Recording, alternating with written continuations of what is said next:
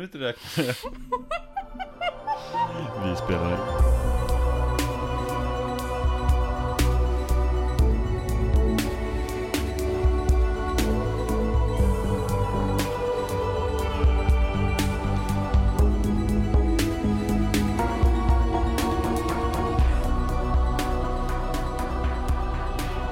Hjärtligt välkomna ska ni vara till den 55 episoden av Skämshögen och jag som pratar nu heter Amanda Sten och på andra sidan mikrofonen sitter, vem då? Åh hjälp! Jag, jag var så beredd på att säga hallå, Jimmy Seppele. Heter du Hallå? Ja, hallå. Hallå, mitt namn är Hallå.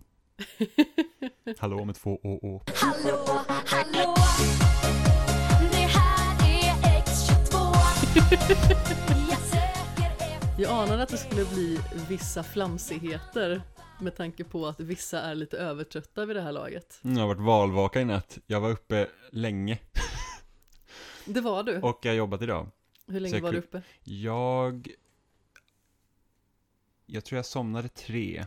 Och sen vaknade jag fyra igen. Gick på toa och kollade lite till. Och sen somnade jag till... Typ sex.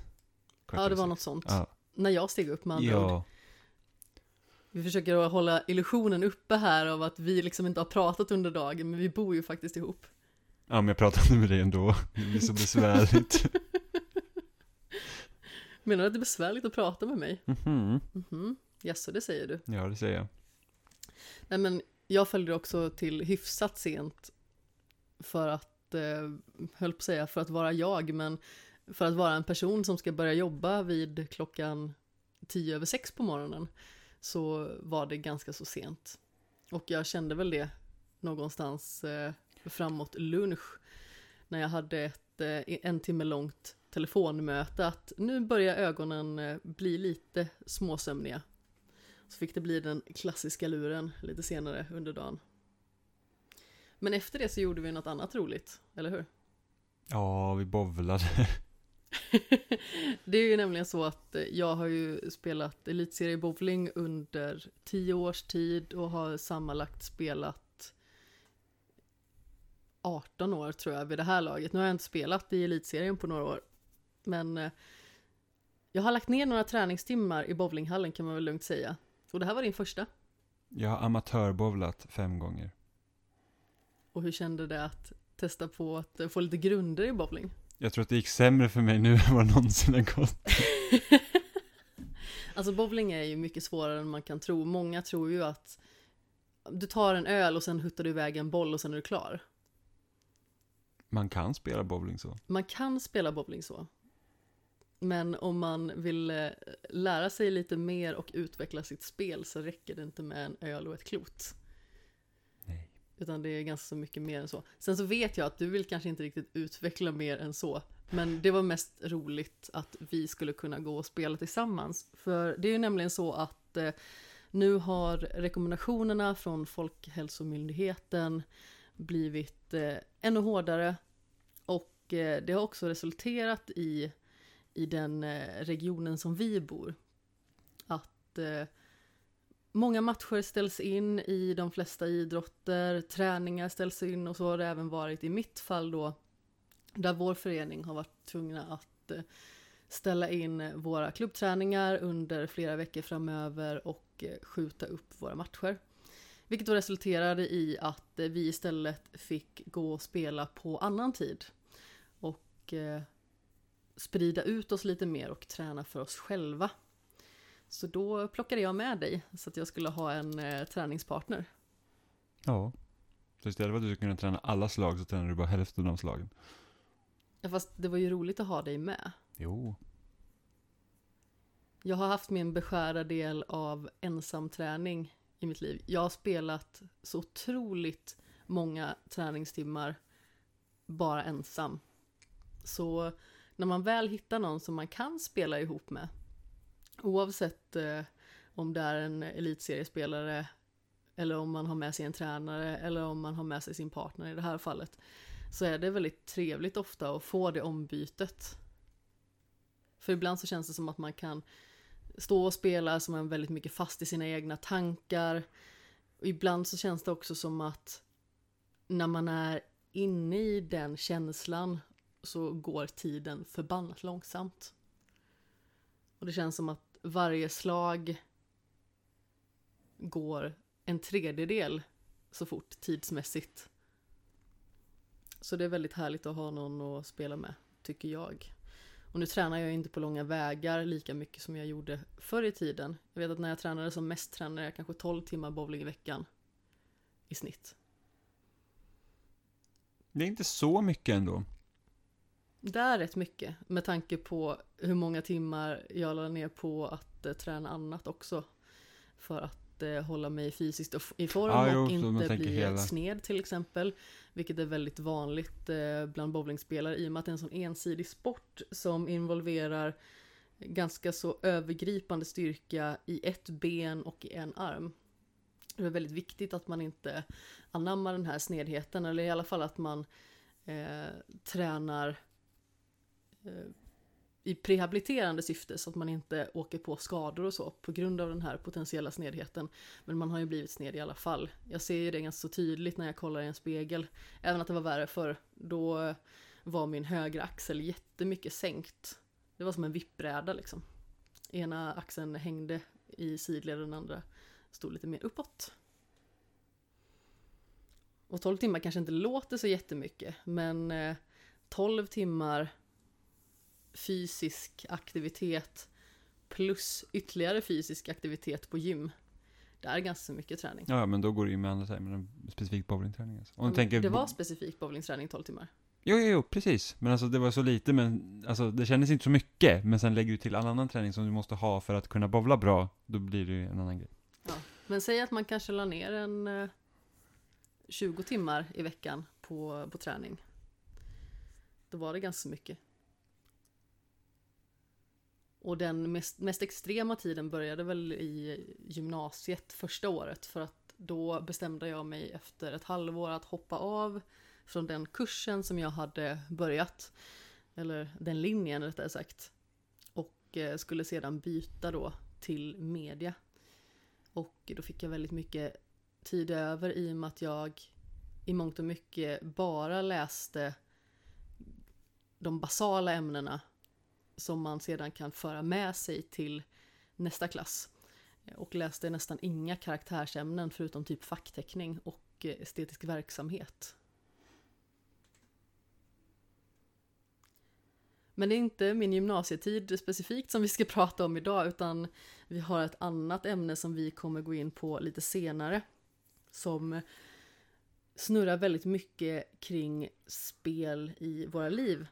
Men jag tänkte att i och med att det är bara du och jag idag, vi har ju haft eh, några gäster ett tag. Eh, och det känns eh, bättre att man fokuserar lite mer på gästerna just då än kommentarer och dylikt. Så därför tänkte jag att vi skulle ta upp det nu. Och eh, vi hade ju ett avsnitt 50 där vi gick igenom topp 50 av eh, decenniets spel. En lista som jag hade snickrat ihop och eh, genomförde först i fem stycken delpoddar där jag förde monolog. Och sedan så hade vi själva topp 50 avsnittet inspelat i vårt kök. Så då var det J Kindbom på Instagram som hade skrivit rolig lyssning. Men det var lite irriterande att man hörde massa Discord-notifikationer då och då genom lyssningen. Kollade konstant min telefon i tron om att någon skrivit till mig. Och det var ju mitt misstag och sedan så kunde jag inte klippa bort det i och med att vi spelade in på samma spår och ofta så var det någon av oss som pratade samtidigt. Det var även så att eh, vi höll på att få en eh, Windows-uppdatering mitt i alltihop som eh, nästan skapade lite kaos. Men som tur var så lyckades vi avvärja det någorlunda i alla fall. Men hur kom de Discord-notifikationerna? För det var ingenting som hördes. Hördes de ur högtalarna? Det måste de ju ha gjort. Annars så hade de ju inte hörts på inspelningen. Jag minns inte ens att de existerade. Jag tänkte nog inte så mycket på det i början utan jag tänkte mest att jag skulle klicka bort Discord för att den störde i bakgrunden. Men notifikationerna kommer ju i alla fall. Och Nej. sedan tror jag att jag lyckades stänga av dem. Jag brukar alltid muta datorn om jag har om jag har bärbar dator. Ja, eh, jag vet att eh, Facebook var ganska irriterande för också. Och eh, lät mycket och hade sig när man inloggade på den. Så jag brukade alltid logga ut från Facebook på min dator. nu hänger jag väldigt sällan på Facebook på datorn numera. Jag tror inte jag kommer ihåg när jag gick in där senast, utan det är oftast på mobilen som jag går in där. Det känns väl som att Facebook används mycket mindre också generellt sett. Det är oftast mest Instagram och Twitter som eh, dominerar, framförallt liksom när det gäller kommunikation via Messenger. spelmediumet. Och Också. Messenger. Ja, absolut. Men den känns som en väldigt så här, tätt knuten tjänst till Facebook. Jo, jo, så är det, men du behöver inte ha. Nej, absolut Du inte. kan ju ha Messenger för sig självt. Precis. Men eh, det är ju den bästa kommunikationsappen. Ja, absolut. Jag tycker om den jättemycket och Alltså för enkel chatt då. absolut. så. Ja, men den är fiffig och smidig och visst, man kan ha lite bekymmer med den, men det har man nog med alla appar där man skriver eh, meddelanden till varandra helt sonika. Sedan så har också Björning skrivit på Twitter. Har börjat lyssna nu. Ett, gillar soloformatet. Två, lagom länge om varje spel och bra förklarat och berättat. Tre, bra musik och produktion. Väldigt trevligt att lyssna på och intressant. Och det här var ju alltså i början av hans lyssning och eh, när han har lyssnat färdigt så fick jag ytterligare en kommentar där det stod så, nu har jag lyssnat färdigt. Väldigt intressant överlag. Jag gillade solo 10 taget upplägget bäst. Det kändes mest unikt. Jag lyssnar på rätt många poddar där 2-5 personer diskuterar spel och 1-50 var bra med. Men originalformatet var allra bäst för mig. Tack. Tack så jättemycket. Alltså, jag är jätteosäker ibland på mina egna idéer och jag kände att de här monologavsnitten skulle kunna vara jättebra men också skulle kunna vara ganska tråkiga i och med att det bara är jag själv som pratar. Så jag var lite orolig faktiskt hur de skulle tas emot. Men det var väldigt roligt att de uppskattades i alla fall. Sen så går vi vidare till eh, avsnittet där vi pratade om skam. Och eh, då skrev Overheard by the Nerd. Jag är lätt team Jimmy angående Wilhelm i skam. En gång svin, alltid ett svin. Ha! Ja, jag vet att vi har ju lite delad syn på det där, för jag tycker ju att eh, William faktiskt eh, kommer igen och blir bättre. Men William, tycker är, han ett Will, as. William är en skithög. Det får du tycka. Jag är helt okej med det. Sedan skrev också Johan Solinger på senaste avsnittet Vass lineup och snabb frekvens på avsnittet nu ändå. Uppskattas. Eller avsnitten rättare sagt. Nu var det jag som läste väldigt fort. Eh, sedan så bekräftar också våra vänner eh, Filip och Martin att det inte bara är mamma som lyssnar utan eh, även de. Eh, Filip skrev att eh, Niklas på skämshögen var rolig och att eh, det är extra bra att han typ delar hans åsikt om sin backlog. Och Martin skrev att eh, han lyssnade den dagen det släpptes också, att han tyckte det var ett kanonavsnitt och att han blev supersugen på att spela mer Hades. Så det var roligt att man kunde inspirera till det i alla fall. Det är ett eh, fenomenalt spel, tror jag att både du och jag skulle kunna skriva under på. Ja, Hades är jättebra. Och det är framförallt väldigt roligt att eh, just Hades känns väldigt mycket som ett popperi av de tidigare spelen som Supergiant Games har lämnat ifrån sig. Eller släppt. Så det är väldigt eh, intressant att se var det ska hamna i eh, årets speldiskussionerna faktiskt. Mm. Jag tror att många kan ha det ganska högt. Men jag tror att det också kan ha passerat en hel del förbi just i och med att det är ett ganska så litet spel. Och också att det är ett eh, roguelike. Mm. Ja, jag tror också det är en sån grej som många kan eh, missa liksom. Och också Det- hänga upp sig lite på, just i och med att det är en spelkategori som jag vet inte tilltalar alla så jättemycket. Mm. Och då är ändå Hades ett jättebra roguelike för någon som inte gillar roguelikes då. Ja, jag skulle nog säga att eh, det är det bästa i sin genre. Mm. För jag är verkligen inte riktigt en eh, roguelike spelare men eh, det klickade väldigt bra för mig. Nu verkar det som att det är en eh, viss liten katt som har vaknat till liv där ute. Men det var allt vi hade på kommentarsfronten, både från lyssnare och från katten ute i vardagsrummet.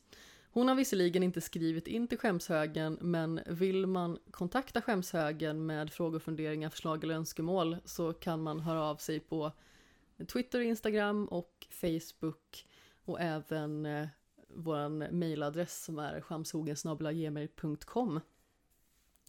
Vi har tänkt att göra ett litet specialavsnitt som fokuserar lite mer på spel. Och vi har till dagens avsnitt valt fem spel som varit betydelsefulla under våra liv. Från barndomen och till nu. Spel som inte bara ligger oss varmt om hjärtat utan har blivit symboler för specifika tidpunkter i våra liv.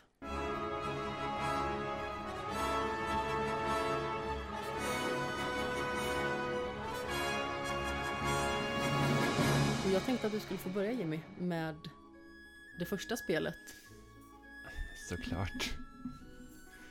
Jag, eh, mitt första spel är... Det är inte liksom första spelet jag spelar, men jag tror det är första spelet som jag känner liksom så här att åh, spel är kul. Och det är liksom, det är väl egentligen där första liksom frö till liksom att ha spel som huvudintresse föddes. Och det är Pokémon Röd. Eh, Ja, så du var en rödspelare du. Jajamän. Alltså, hade jag fått välja version själv så hade jag förmodligen velat ha Pokémon Blå för att blå var min favoritfärg och Blastoise är cool. Men eh, jag fick röd, eh, så, så är det. Jag har ju liksom haft, jag fick ju en, jag vet inte om jag berättade i den här podden, men jag i alla fall berättade i spelsnacket, jag fick ju en Nintendo, alltså en NES, eh, av eh, mina kusiner som bodde i USA. Men den hade, in, den hade inte rätt strömkabel. Så att jag hade min NES med Super Mario Bros och Duck Hunt-kombon med en sån här ljuspistol. Och jag kunde inte använda den. Och mina föräldrar var mer eller mindre såhär, ja men du har i alla fall fått den, så du får vara nöjd. Vad sorgligt. Ja jag vet, så, att, så att det var ju många gånger vi satt med NESen liksom, satt man med pistolen framför tvn och låtsades skjuta saker. Så, det, det, så att, jag vet inte vad som hände med den sen. Den måste säkert ha försvunnit när vi flyttade till Enköping. Men... eh, Försvunnit inom citationstecken. Ja, men precis, den är förmodligen slängts, men det är liksom att... Någon har tagit ut den på tippen och Eh. skjutit den. Jaha, eller, eller sålt den. Det kan lika också ha gjort. Eh, och sen har jag haft en Gameboy då. Fick jag när jag var, kan ha varit fem tror jag. Och, sen, och min syrra lånade den utan lov. När hon skulle rida ut i skogen med hennes kompisar och hon spillde cola på den så den gick sönder. Men nej. Sen fick jag en Gameboy Pocket efter det.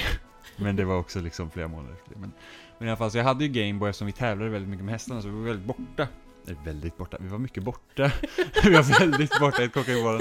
Vi var mycket borta liksom så här, varje helg så var det i princip tävlingar från eh, slutet av mars till början av november. Och det var så då åkte man mycket bil. Eh, och då är det ju perfekt liksom att ha en Gameboy att spela på. Speciellt när bilresorna är långa. Så jävla jobbigt dock att spela på en Gameboy som inte har liksom eh, upplyst skärm och sådana grejer. Ett himla gissel. Men, eh, och sen så var det såklart, det fanns ju typ ingen unge som inte gillade Pokémon när det kom liksom. Och då tror jag att tv-serien började här innan spelen var översatta. Jag vet faktiskt inte. För jag- Men jag minns att jag spelade spelen och såg tv-serien och hade naturligtvis kort och de här små figurerna också. Ja, men jag kommer ihåg att jag såg tv-serien och därför ville jag ha spelet. Eh, men jag fick ju spelet 98 tror jag det släpptes även här. Så det, så det Det släpptes nog 99. 99 i Sverige. Inte 98. Det kan vara 99 också. Jag vill minnas att det släpptes 99. Ja, det kan mycket väl vara 99. Jag vet inte om spelen kom i samband med eh, tv-serien. Men eh, det var i alla fall någonstans där. Jag fick i alla fall Pokémon Röd på min födelsedag. Om det var 99 då ska jag ha fyllt 8. För det var 96 i Japan vet jag. Vilket är helt sjukt att tänka sig att, att, att en så stor serie som Pokémon stod tre år för den att komma liksom till väst. Ja, men exakt. Jag eh, har smygkollat upp eh, potentiell fakta. Som sagt, Wikipedia är ju inte alltid 100% tillförlitligt, men eh, där står det den 1 oktober 1999. Kan det ha varit 2000 det kom till Sverige då? Jag vet inte. Men det kanske var 2000 som du fick det på din födelsedag. Ja, jo men så är det mycket väl möjligt. Men tv-serien kom Så då fyllde du nio. Ja, men då är tv-serien kom förmodligen först 2000 på TV4 då. Så är det säkert. Ja. I alla fall, jag fick det då. då fyllde jag tydligen nio. Ehm, och det blev liksom så här, alltså från att liksom ha gått se, Eftersom jag är upp, uppfödd, uppfödd, jag är uppvuxen på en, liksom en, en hästgård och liksom alltid haft djur, liksom vi har haft kaniner och vi har haft hästar och åsnor och kaspiska ponnyer och katter och hundar och inte höns, tack och lov. Men så det blir ju så att liksom bara det här liksom att man kan ta hand om djur är ju fortfarande en ganska stor grej. Eh, och just det här liksom att, jag tror det här med att man ska fånga liksom Pokémon då, eller liksom djur och sen liksom ha dem som sin egen och sen träna dem och slåss med dem och liksom typ äventyra runt eh, liksom på världskartan. Det var liksom sånt är skithäftigt så att vi brukar ju, alltså vi brukar ju leka Pokémon så här och, och det är lite bisarrt nog med att laga mat på Pokémon och lite sådana grejer. Hur Man liksom, som barn liksom leker, det är liksom inget konstigt liksom. Man kan ha kor som husdjur och man kan äta kor liksom. Det är samma sak, man kan fiska upp en Magikarp och göra goda filéer eller vad som helst liksom. Men så, så blir det liksom att, det blir egentligen starten för mitt spelintresse. För att innan det så är det inte så att, åh, jag har en Gameboy, det finns massa spel till den. Utan det blir liksom mer så att, här har jag en Gameboy med det här spelet, det är det man gör. Det är liksom, jag har smurfarna här och då spelar jag smurfarna. Det är inte som att jag önskar mig fler spel till min Gameboy för jag liksom, man har knappt någon aning om vad det är, det är för någonting. Liksom. Eh, samma sak när min syrra liksom köpte en Nintendo 64 och man såg liksom leks, eh, lek, eh, leksakskatalogen och bara såg liksom Nintendo 64-spel. Åh, det finns mer, typ.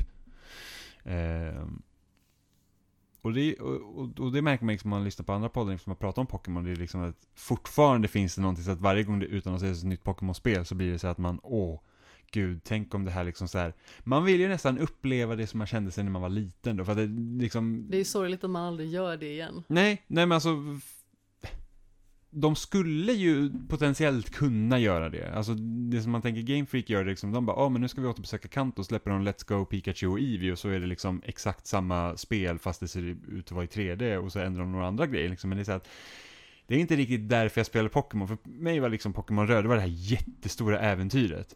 Och spelar man det idag så, det är ju liksom inte, det är inte som att du spelar Zelda Breath of the Wild och bara oh wow, den här kartan, liksom bara upp, upptäcka allt, utan det är liksom, det, det är ganska simpelt idag. Eh, och det är liksom den, det man skulle vilja upptäcka igen. Så man bara, åh, så bara liksom ha en stor karta och hitta de här monstren som man inte har sett förut och allt är nytt och varenda gång man liksom går genom gräset och möter ett nytt monster så är det något nytt. Och man bara, åh vad är det här? Och sen så tränar man dem och så kanske det utvecklas man inte dem och så finns det magiska stenar så att de utvecklas, man byter tillsammans med kompisar och så. Så att det, det är liksom, Pokémon blir det här stora äventyret och det märker jag liksom spel som jag gillar idag också. Jag gillar ju när man får den här äventyrskänslan. Att, att nu är jag ute på liksom värsta uppdraget. Liksom, det behöver inte vara att det är typ så, åh världen går under, utan det räcker liksom med att jag får känna att det är typ äventyr. Ja, men det känns också som att man med Pokémon har väldigt stor potential att skapa ett jättestort äventyr även idag. Men jag tror att man är lite för fast i det gamla och inte riktigt vågar släppa taget om det. Om man skulle satsa på någonting i stil med Breath of the Wild till exempel så tror jag att man skulle ha ett väldigt vinnande koncept. För att det är lite mer det som tilltalar idag. Alltså, nu säljer ju Pokémon väldigt bra fortfarande. Det beror, det beror lite på för de som liksom tävlar i Pokémon, liksom fighter och sånt, för de, de vill nog ha liksom samma. Men för mig som liksom, jag vill bara äventyret, så jag bryr mig liksom inte om det här samma, jag vill ha något som känns nytt. Jag vill liksom, jag vill återskapa den känslan som första Pokémon gav mig i dagens Pokémon. Och då är det ju också det att liksom, man spelar de här senaste Pokémon, de har haft ganska så här komplicerad typ story. Och liksom så här, världen går under och det är typ domedags-Pokémon och det är en jävla gud-Pokémon och grejer. Så det är så här bara, Alltså jag gillar det här med att, åh, jag ska bli bäst. Och det är typ en ond typ maffiaorganisation som gör skumma grejer, men det behöver inte vara mer än så. Det räcker gott och väl. Ja. Men, men anledningen till liksom, det är inte bara så att Pokémon har påverkat liksom att, åh, det, det var liksom starten för mitt liksom, vad ska jag säga, djupare spelintresse. Det är ju också det att jag fick väldigt mycket kompisar via Pokémon. Det var liksom det gemensamma intresset som, som gjorde att man liksom fick andra vänner utanför liksom hästsfären då, så vi hade väldigt mycket tjejkompisar när jag var liten. För att jag höll på med hästar. Men liksom där var det någonting, intresse som jag hade hittat själv. Och sen då kunde jag hitta andra kompisar via det intresset istället. Så det, så det påverkar nog ganska mycket faktiskt. Det är väldigt roligt att du faktiskt nämner Pokémon Röd.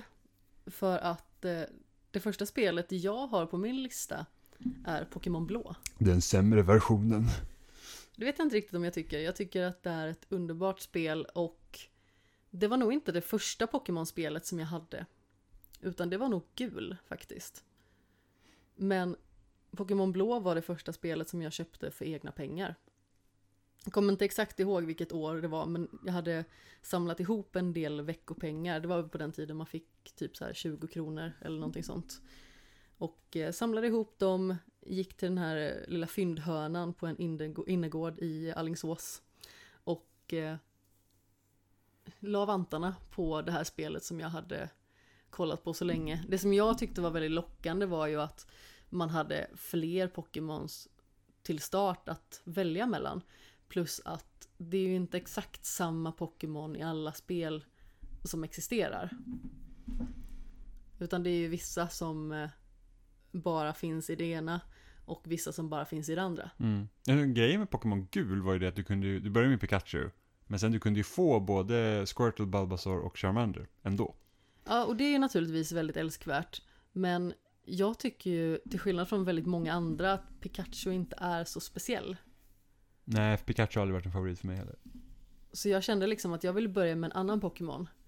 Jag vill eh, få en annan typ av start. Eh, och känna att resan är lite mer min egen.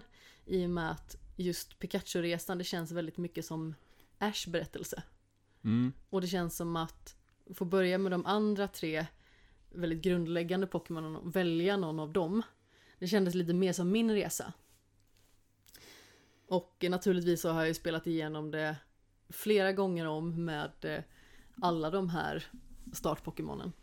Men jag tror att Eh, den senaste gången jag spelade så var nog den gången som jag spelade absolut mest. Jag kommer inte ihåg när det var, men då kommer jag i alla fall, ihåg att jag eh, maxlevlade min eh, Vaporeon och spelade så himla mycket för att få upp den level. Sprang runt i en grotta fram och tillbaka. Och jag vet inte riktigt till vilken nytta, utan det var liksom bara en sån, jag vet inte, upplyftande känsla. Att hela tiden se den här eh, Pokémonen utvecklas. Och det här var inte heller det första spelet som, som påverkade mig, kanske om man säger så, men det var ju ändå en, en starkare upplevelse. Alltså jag har ju till exempel Super Mario Bros 3 som en av de bästa spelupplevelserna. För att det är liksom ett spel som jag älskar, jag spelade det när jag var liten. Men det är lite mer sådär att det är ett varmt minne och det är ett spel som jag har spelat mycket. Men jag känner att Pokémon Blå var nog lite mer viktigt för mig. I och med att det var liksom en egen upplevelse. Man hade sin lilla spelmaskin. Jag kommer ihåg att först så fick jag min brors Gameboy. Min bror som är tio år äldre. Och eh, han spelade ju liksom inte alls på den. Och jag fick några titlar till bland annat eh, tennis och eh, eh, Metroid 2. Även eh, Fortress of Fear till exempel som var kanonsvårt och jag aldrig har klarat någonsin. Du hade så bra spel till din game. Vi hade så här Smurfarna, Cool Spot, vilket var liksom en maskot för 7-Up. Eh, sen, sen så typ lånade man spel till så här mm, Game Watch Gallery, som min syrra köpte när hon var i London. Men annars var det liksom Pokémon. Så Ja. min favorit, alltså även om Pokémon rör inte min favorit-Pokémon så är det Pokémon Guld. Men, eh, ja, det där började. Ja. Och sen så lite senare så fick jag en Game Boy Color. Oh, jag fick också en Game of Color sen. Och det var liksom i samma veva som Pokémon släpptes. Och jag kommer ihåg att jag och en kompis som eh, kom från Finland, som jag nämnde förra veckan, eller förra gången vi släppte ett avsnitt tror jag. Jag minns inte exakt. Just det, det var när vi pratade om Taran och den magiska kitteln, det är ännu längre sedan tillbaka. Men hur som haver, vi spelade Pokémon så himla mycket och hade så himla roligt ihop med det här. Och sen både du och jag är födda väldigt rätt i tiden för att falla in i det här facket av barnen som älskade Pokémon. Mm. Så det var ju väldigt mycket med det här kortbyte och tävlandet utan att man visste hur man gjorde. Man hade de här små figurerna som framförallt jag kommer ihåg att jag lekte med, med typ så här kaplastavar och byggde upp något form av imperium med mina Pokémon. Ehm. Och sen så eh, spelade jag ju gul, blå och Crystal till fördärvet. Och sedan rörde jag nästan inte ett Pokémon-spel förrän Moon. Oj, ja, jag har spelat varenda en. Ja.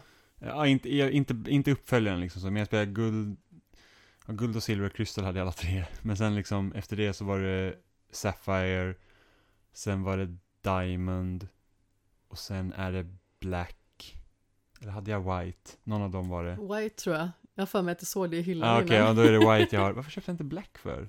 Ja, jag- har White, eh, och sen var det Y, och sen Sun, och sen Pokémon Shield tror jag jag har. Men det är så att jag, jag har inte klarat... Shield är det första Pokémon jag har klarat sen Diamond.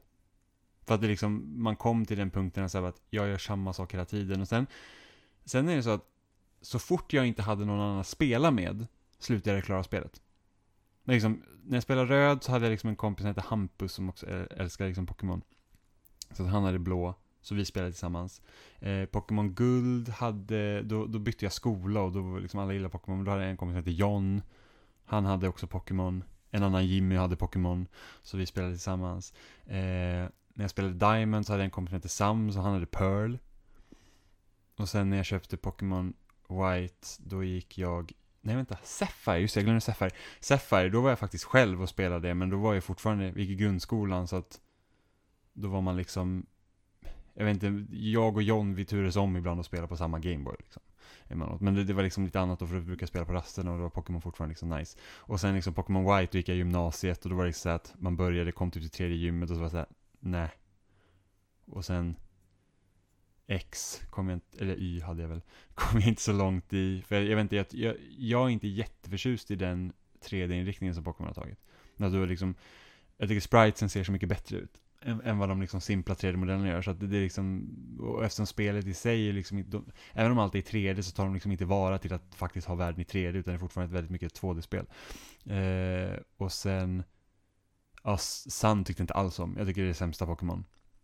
Jag tycker inte alls om den här liksom att gymmen är borta och man går så här konstiga öarna och grejer. Jag vet inte jag Jag vill minnas att jag tyckte jätte, jättemycket om Moon, men av någon outgrundlig anledning så spelade jag aldrig klart det. Jag kom till tredje gymmet som jag gjort med alla Pokémon som jag inte har klarat ut. Eh, och sen Pokémon Shield då som, som ändrar en del grejer som jag alltid velat haft i Pokémon, eller liksom, som man liksom känns som en bra utveckling. Det här med att man kan se Pokémon ute i den vilda världen, men det är fortfarande väldigt mycket samma sak. Men det klarar jag faktiskt ut, för att det var ju under tiden jag pendlade ner hit väldigt mycket från Stockholm, så att då blir det så att då kan jag spela min Switch på tåget och då kan jag liksom passa på att spela Pokémon. Men det är liksom, när jag kom till slutet av det spelet var det så att jag har liksom inga behov av att liksom börja samla alla Pokémon. Att, Nej, det kändes som att du var väldigt mätt på upplevelsen. Ja, för att det var liksom bara så att det är liksom, det, det, det känns liksom inte spännande att gå och jaga efter andra Pokémon. Är liksom, jag, vill, jag skulle ju verkligen vilja ha det här uppe i en helt 3D-värld. Man ser en Pokémon och så bara wow, vad är det där? Liksom, och jag brukar alltid jämföra med det första avsnittet av Pokémon TV-serien. Så är det så att Ash ser en Ho-Oh. Mm. En Pokémon som dessutom inte fanns bland de första 151 Pokémon, utan det var ju en Pokémon som kom i generationen efter. Men de, många av de Pokémon som används i Guld och Silver, de var redan skapade innan.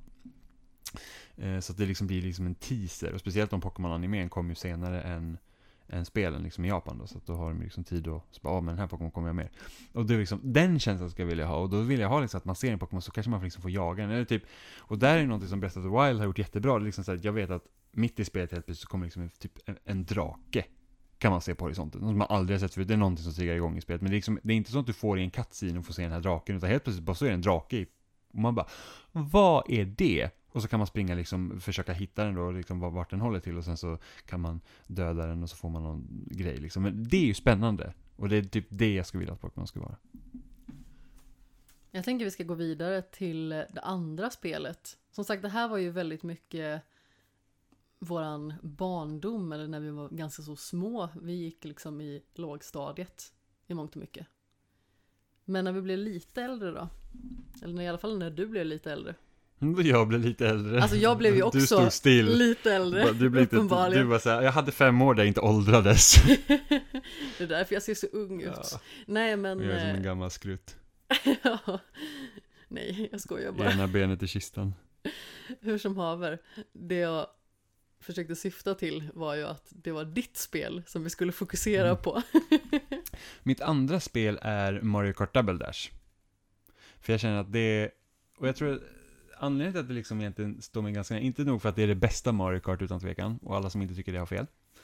Eh, men det är liksom, jag och min syster spelar det här väldigt mycket tillsammans. Att min syster spelar ju typ knappt något tv-spel idag, även om jag liksom prackar på henne både en Xbox 360 och en Xbox One, liksom när jag har köpt nya maskiner och sånt. Så att, för att försöka få henne liksom att spela tv-spel liksom. För att hon, hon, alltså vi spelade väldigt mycket när vi var små. Eh, och just det att typ om jag önskade spel i julklapp så tittade jag såhär, åh vilka spel kan man spela tillsammans som jag skulle vilja ha?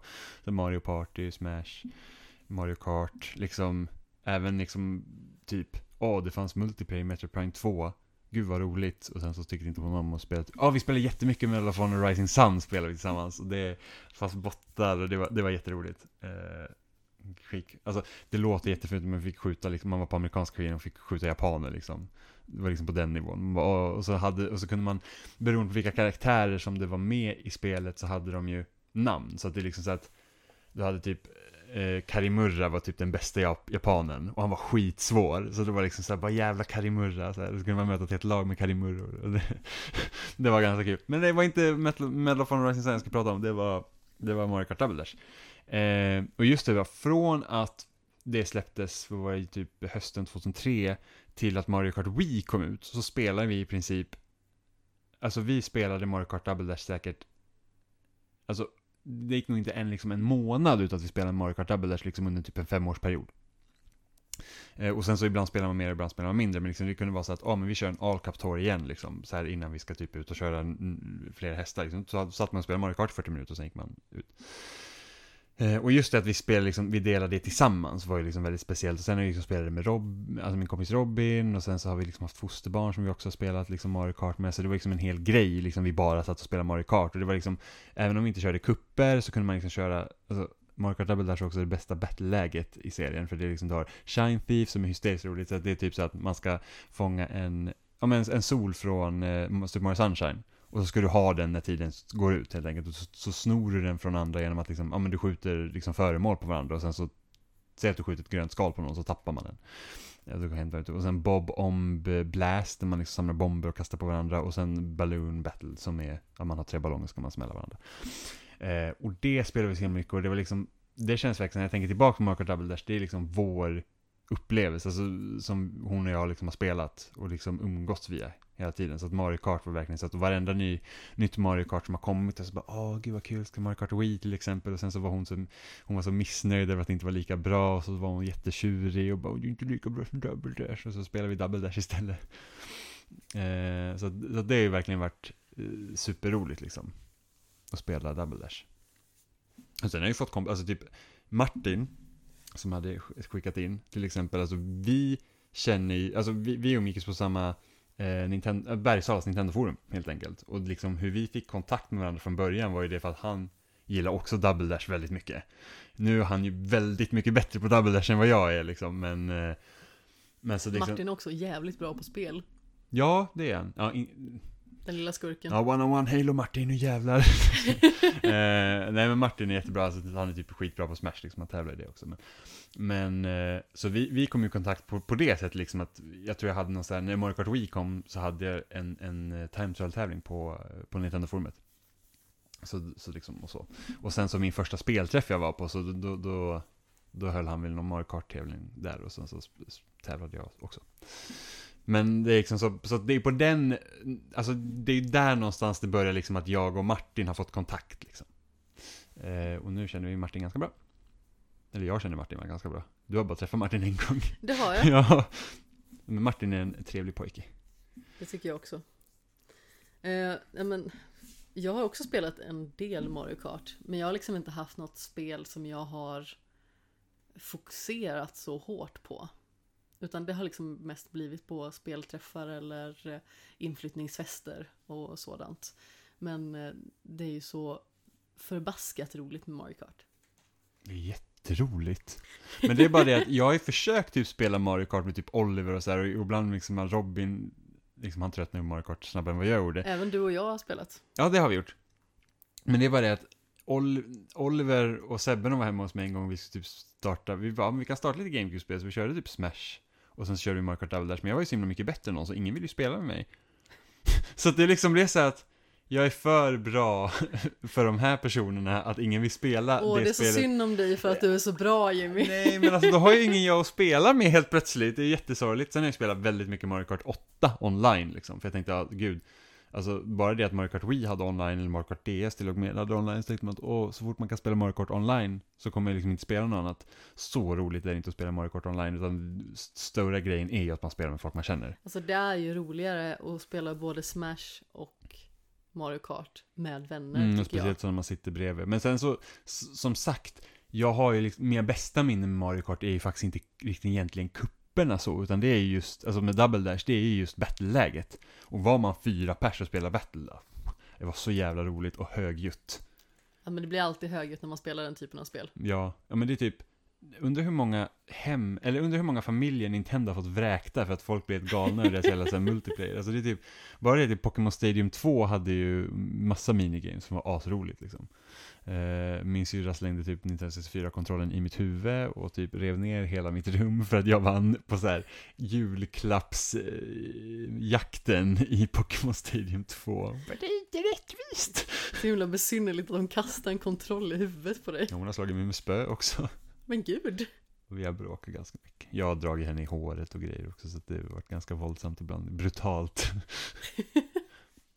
Ja, du växte väl ikapp henne när du var typ sju år gammal eller någonting? Men hon, hon, ja, ja, inte riktigt, men hon var ju typ rädd för mig redan när jag var liten. Det var så här, en gång hon stod, hon hade så här, hon Hur hade, var hon rädd för dig? Det är inte precis som att jag du jagade så... henne med kökskniven en gång. Okej, det Ja, förstår jag. fast då var jag så liten att man liksom inte förstår varför det är farligt. Och jag tror att, Att två år gammal springer runt med en kniv. ja men tre, fyra tror jag det var. Kära Men det var liksom ändå så här att du tar upp en kniv och ser att du får en reaktion av någon. Jag kan tänka mig som barn kan man tycka att det är ganska kul liksom, man förstår inte att det är farligt. Åh, kära någon. Ehm, men i alla fall, hon hade så här tre stycken, de kallades silverpiskor. Alltså vanliga hästspön med så här silverknopp som hade fått när det blivit så här eh, Östersunds travbana hade oftast ett dubbeltrav på sommaren.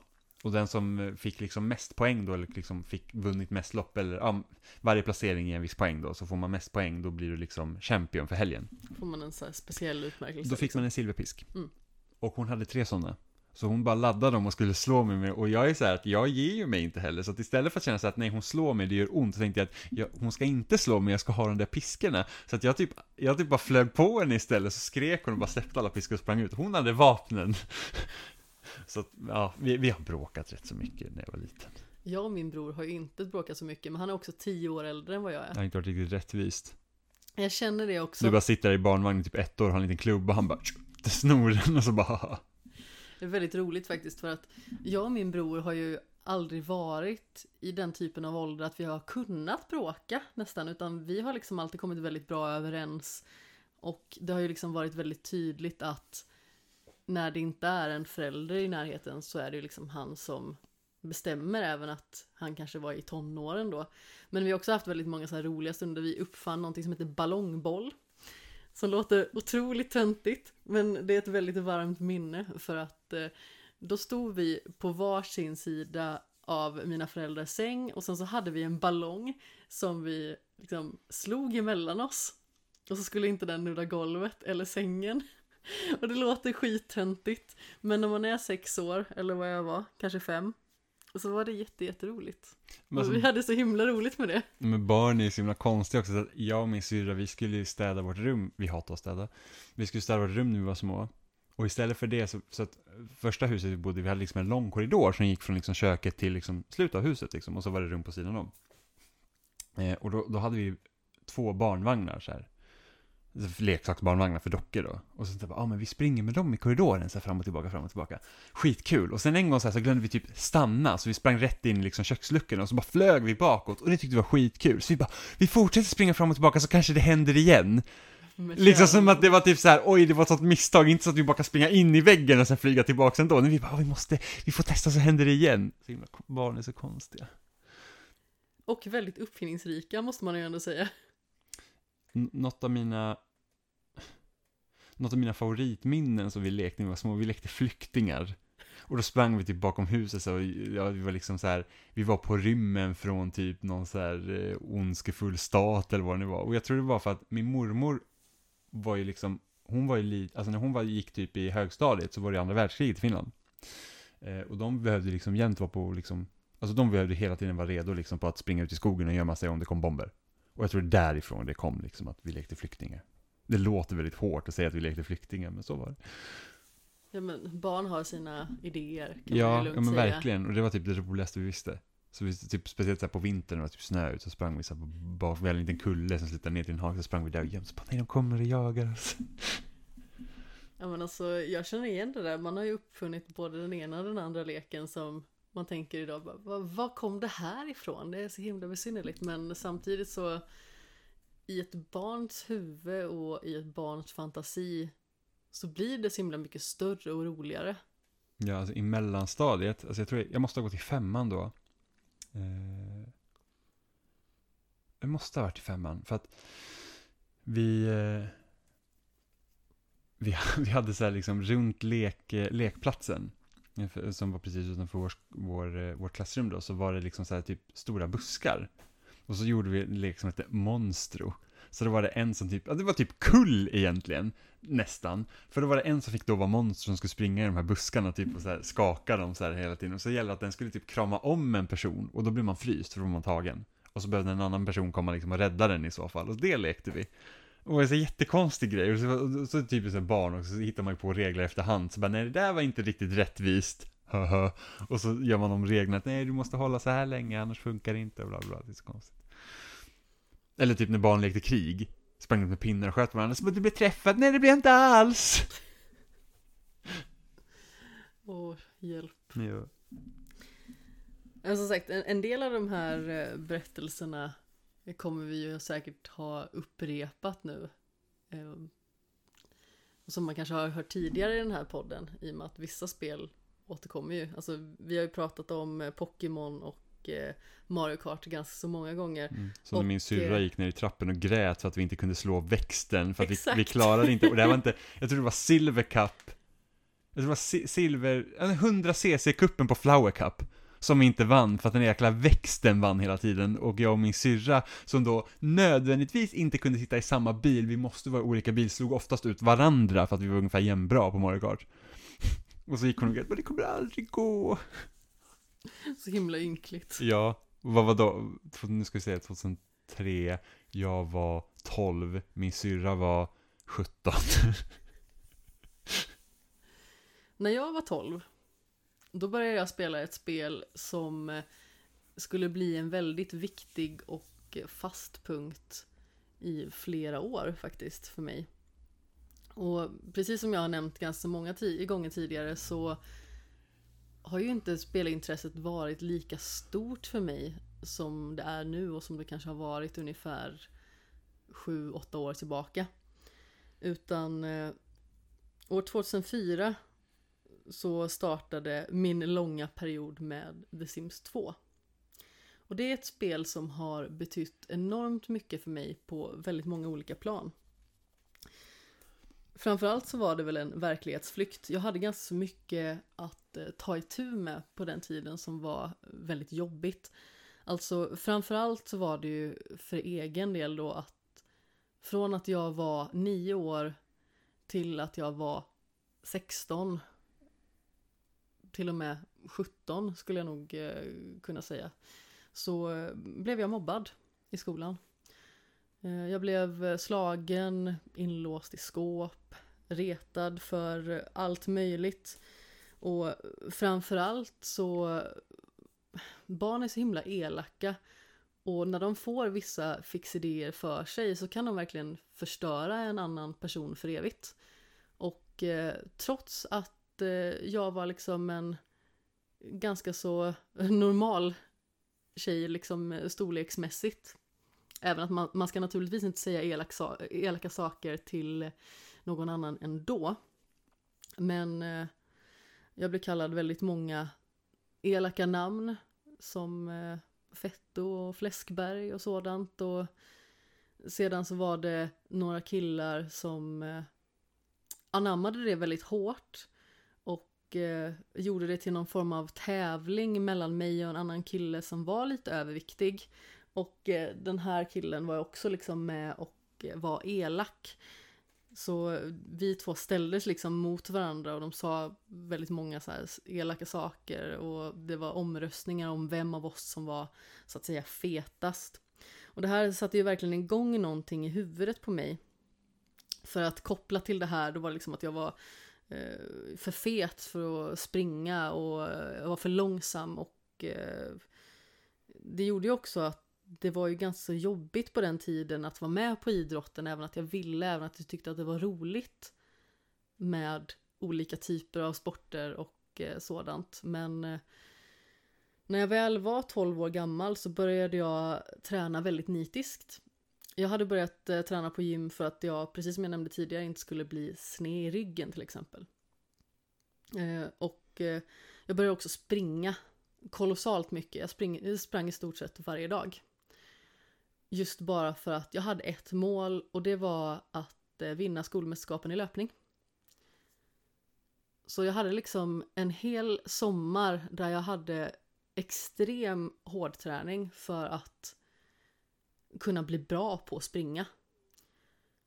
Och sedan så kom dagen med det här loppet och jag vann över alla, även killarna. Jag spurtade iväg i början, höll det. Det var till och med att det var en person som cyklade i kapp mig och sa att ja ah, men nu börjar liksom eh, slutspurten. Eh, akta så att det liksom inte någon kommer ikapp dig och då la jag ju benen på ryggen naturligtvis och Eh, paniksprang sista biten in i mål för det här var liksom någonting som jag hade strävat efter så otroligt länge av eh, naturligtvis helt fel anledning och eh, det var ju en väldigt orimlig motivator men jag kände att det var någonting som jag behövde göra för att bevisa mig att jag är liksom inte den ni säger att jag är. Eh, och sedan så efter det så blev jag dels retad istället för andra saker. För de tyckte att ah, okej, okay, du har bevisat att du inte är tjock, du har bevisat att du är snabb. Vi måste hitta något annat att mobba dig för. Så då fick jag ta det några år till. Um, jag fick också en ätstörning på köpet på grund av all den här eh, omotiverade löpningen. Som eh, gjorde att jag inte åt ordentligt. Eh, jag... Eh,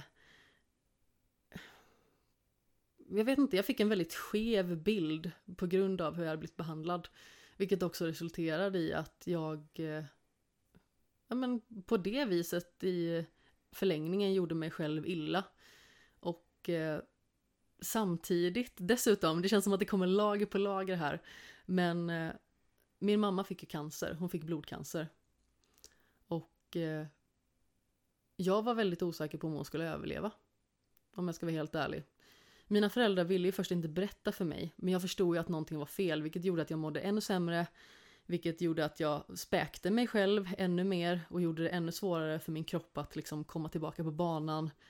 Och sen naturligtvis var det ju en jättestor skam i att eh, må dåligt på det viset. Alltså dels så mådde jag ju dåligt för att min mamma mådde dåligt. Men dels så mådde jag ju dåligt för att jag hade ju i stort sett förstört mig själv. Så det tog eh, ganska så många år innan jag ens erkände, innan jag ens öppnade munnen och sa liksom att jag har varit sjuk och jag har haft liksom en allvarlig ätstörning som påverkar mig i det liksom vardagliga livet. Eh, det var jätteofta jag inte åt ordentligt, det var jätteofta jag liksom spydde upp det jag hade ätit. Men... Eh, och så började jag dessutom spela i ett elitlag då i sporten som jag älskar. Eh, lite senare, när jag var 14 och skulle fylla 15. Och eh, det gjorde ju att det blev ännu mer utanförskap för att jag var ju liksom den som flydde stan. Jag åkte till Frölunda och tränade. Och eh, det var väldigt få som ville umgås med mig av den anledningen. För att jag fanns aldrig där. Tyckte de. Och eh, under väldigt många år just därför så var The Sims en verklighetsflykt. Där kunde jag skapa precis den verkligheten som jag ville ha. Och eh, jag har så himla många eh, fina minnen i allmänhet från att bara spendera tid i den världen. Och eh, med alla dess expansioner. Jag skaffade ju flera av dem själv och jag fick flera i födelsedagspresent och julklapp och så. Jag kommer ihåg att studentliv eh, höll jag extra varmt om hjärtat för jag har alltid varit lite av en eh, en person som gillar egentligen att gå i skolan. Jag gillar att lära mig saker. Vilket också blir väldigt paradoxalt för att jag hatar ju skolan på sätt och vis. Jag hatade ju inte det för liksom själva delen att lära mig någonting utan de personerna som fanns där, som jag var rädd för, som jag inte ville se. Eh, sådana som jag än idag i den lilla stan jag bor i, när jag ser de här personerna som jag liksom går omvägar för att slippa se i ögonen liksom. Så, eh, ja, men The Sims 2 betyder jättemycket, precis som jag sa tidigare. Det fanns väldigt många aspekter som jag ville fly från. Och i en värld där man kan skapa sina egna förutsättningar och liksom på den tiden dessutom eh, så det betydde så himla mycket för mig. Och jag känner att jag har gjort en väldigt lång monolog men jag kommer ihåg att eh, förra sommaren också när eh, du och jag började komma varandra väldigt mycket närmare så var det ju någonting i den här podden som vi fann ett gemensamt intresse i, båda älskade Sims. Ja, jag älskar The Sims. Det är skitroligt. Jag tycker det är jättesynd att jag liksom inte riktigt har fått pli på The Sims 4 för det är ganska så svårt att spela på konsol. Mm, jag vet att om man spelar Sims 4 på Xbox så kan man koppla in eh, mus och tangentbord. Jag hade ju önskat att man skulle kunna göra det på Playstation 4 också. I och med att det är där jag har det. Jag vet inte om det stöds på PS4. Kanske Förmodligen gör. inte. Jag vet inte. Men det, på Xbox verkar det gå i alla fall. För det är så himla bökigt att spela det med kontroll. Det, liksom, det funkar, men det är ju liksom inte, det känns inte jättesmidigt. Vilket är väldigt konstigt för att The Sims som fanns till GameCube, det kom ju ganska, alltså The Sims, eh, Busting Out, eh, Herb Sims Sin City, det kom ganska mycket Sims-spel. Även Sims, jo, Sims 2 fick en version också. Eh, som, där man inte kunde skaffa barn och ingen växte upp, vilket var lite konstigt. Eftersom det är liksom en stor grej med Sims. Men där liksom funkar det skitbra att bygga och greja. Och det är liksom, Sims 4 är jättekrångligt. Ja, och det är så otroligt synd för att jag älskar som sagt The Sims 2. Det är ett av mina absoluta favoritspel någonsin. Jag har spenderat så himla många timmar i det. Och jag vet liksom på helgerna när jag var i den här åldern, så här 12, 13, 14, 15, 16. Alltså det är ett ganska så långt spann ändå. Men jag kommer ihåg att många helger så gick jag liksom upp innan alla andra alla andra. Jag bodde med mamma och pappa. jag är i mångt och mycket ensam barn, liksom, även att jag har en storebror, men han har aldrig bott hos oss eller sådär. Eh, så då var det liksom tidig uppställning, klockan sex på morgonen, sätta sig och eh, spela The Sims 2. Och det var mitt i all den här liksom eh, ovissheten och kampen både mot elakingar i skolan och kampen liksom mot mig själv. Eh, och, och dels liksom att det blev väldigt mycket att jag fick bli vuxen, om man säger så, lite för tidigt i och med att min mamma var sjuk. Så fick jag väldigt mycket vara själv och ta hand om mig själv. Eh, jag vet att hon också sa det någon gång att eh, jag vet liksom inte riktigt när du blev så stor. Och hon kände att hon liksom missade det på något vis. Så The Sims 2 har betytt eh, så ofantligt mycket för mig. Men eh, vi ska gå vidare till ditt nästa spel och då var du fortfarande i tonåren. Ja, slutet av tonåren egentligen. Ja men Eller ja, likväl jo. tonåren. Eh, Som, som sagt, det här spelet började inte betyda någonting när det kom ut, utan det var ju först många år senare, eftersom jag hade ingen 360 när det här spelet var nytt. Men det är Gears of War, och då är det nästan Gears of War 1 plus 2 egentligen i den här uh, kavalkaden, eller vad man ska kalla det. Det är ju Eh, en del spel, det är ju sex stycken. Ja, precis, men det var, vid, vid det tillfället fanns det två. Mm. Eh, för att, och det var så att jag köpte ju, jag köpte ju första spelet inför att tvåan skulle släppas. Eller ja, tvåan hade nog släppts redan, men, jag köpt, men det var samma år som tvåan kom i alla fall. Jag köpte dem ganska tätt in på varandra. Eh, och, och liksom tyckte de var helt okej spel och, och jag tror jag först liksom började uppskatta det riktigt mycket sen när jag spelade med min kompis Robin då. När vi spelade co-op. Och körde typ på svåraste svårighetsgraden och sånt. Men sen så, det året, det var 2009, då fick jag själv cancer. Eh, och var liksom jättesjuk. Och då körde vi ju, både jag och Robin, alltså när vi träffades så spelade vi ofta liksom Gears, inte bara liksom multiplayer mot varandra och, och via nätet på mobilt bredband. Jag kan tänka mobilt bredband 2009 var inte speciellt bra. Potatis internet. Mm, alltså väldigt, alltså jag kunde inte söka matcher, för att Gears of War 2s nätkod var så dålig, så att de begränsade att hade inte du tillräckligt bra internet så kunde du inte ens söka matcher. Så att jag behövde ju rida på någon annan för att kunna söka matcher. Så om någon hade liksom ett riktigt bredband då och, och liksom var party leader, då kunde jag få vara med i matcherna. Så det var så jag spelade online Gears War 2. Men så jag och Robin, vi spelade ju ofta det när vi träffades. Så att liksom under den sommaren då när vi, gick behandling liksom så, så var det så att han kunde komma hem till mig och så bara, vad ska vi spela? Ja, men kan vi dra igenom Gears igen? Och så körde vi liksom ettan och tvåan på Insane för typ femte gången liksom. Eh, och jag tror första gången vi spelade Gears tillsammans så spelade vi ett och två på normal och sen körde vi det på hardcore och sen började vi på ettan på insane. Alltså inom loppet av fem dagar. Så hade vi nästan klarat spelet typ tre gånger. Eh, så det är väl därför den serien har liksom betytt mer för mig. För liksom, det kopplar jag så starkt liksom till när jag var sjuk. Liksom, att det var ett sätt liksom, att få spela. Alltså liksom bara kunna liksom tänka på något annat och spela Gears liksom. Och motorsåga monster och grejer. Jätteroligt. Det var faktiskt väldigt roligt. Du och jag spelade ju igenom alla de spelen i våras. Mm? Och visst, det kanske inte kommer gå till historien som en spelserie som har det absolut eh, mest djupa narrativet eller eh, liksom karaktärer som man älskar eh, och höjer till skyarna. Alltså inte för mig i alla fall, alltså jag kan förstå att du känner det. Men jag tycker fortfarande att det var väldigt roligt att spela igenom alla spelen. Mm. Och eh, det är väldigt sällan som eh, spel utformas på det viset. Att man har specifika karaktärer som man dels kan eh, mista och eh, som man dels liksom kan knyta an till ändå. Mm. På ett eh, väldigt specifikt vis. Som man gör med dem till exempel. Ja, och det var ju liksom en grej med Gears när det kom var ju det att du var ju liksom, för att typ Xbox hade ju liksom andra spel du kunde spela co-op, till exempel du kan köra co-op i Halo. Men då blir det ju bara två Master Chief som springer runt. Ja, och det känns ju väldigt liksom, Det känns jättekonstigt liksom, det, det, liksom, det funkar inte det egentligen. känns väldigt grått. Ja, men först med Gears, där var det liksom, en var Marcus och en var dem. Så att ni var ju liksom varsin karaktär i det spelet. Så att ni fick liksom ta an sig de rollerna. Så det var inte två Marcus som sprang runt och bara så här. Utan det var ju liksom bara, det var ju liksom som att Marcus och klonen. Ja, så ni, ni var ju liksom olika karaktärer, så det blir ju så att man, man tyr sig till karaktärerna på ett annat sätt. Att jag gillar ju Marcus väldigt mycket för att jag har spelat med honom. Och Robin gillar dem och fick spela honom och sen så kom han till del tre och de dör.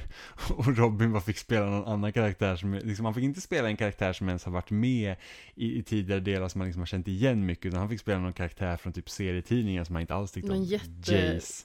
Precis. Ja, och det var liksom så jätte... Väldigt osympatisk, skum snubbe. Och sen så tog det jättelång tid innan man fick spela Anya var det va? Ja, det var jättemärkligt att inte få liksom spela Anya på en gång, för det liksom känns ju att det kan man ändå ha någon relation till. Men jag tror att det den anledningen till att inte, alltså att de dör och den, du inte får spela Anya på en gång har ju säkert att göra någonting med att Dude Bros inte ska bli ledsen för att de ska spela en kvinnlig karaktär.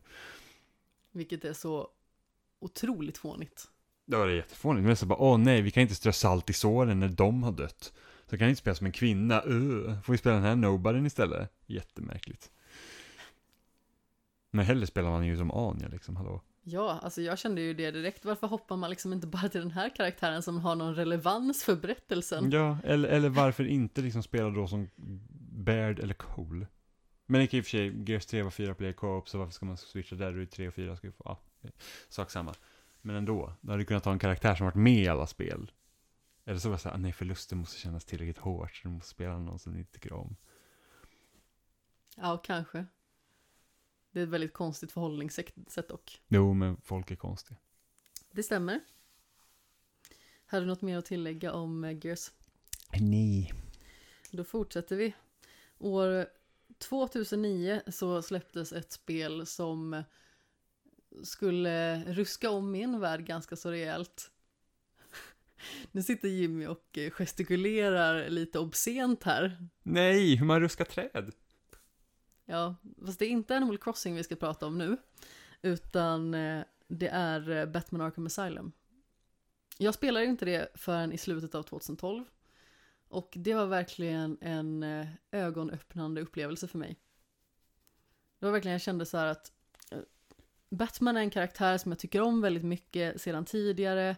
Och därmed så var det liksom ett spel som jag kunde tänka mig att ta mig an.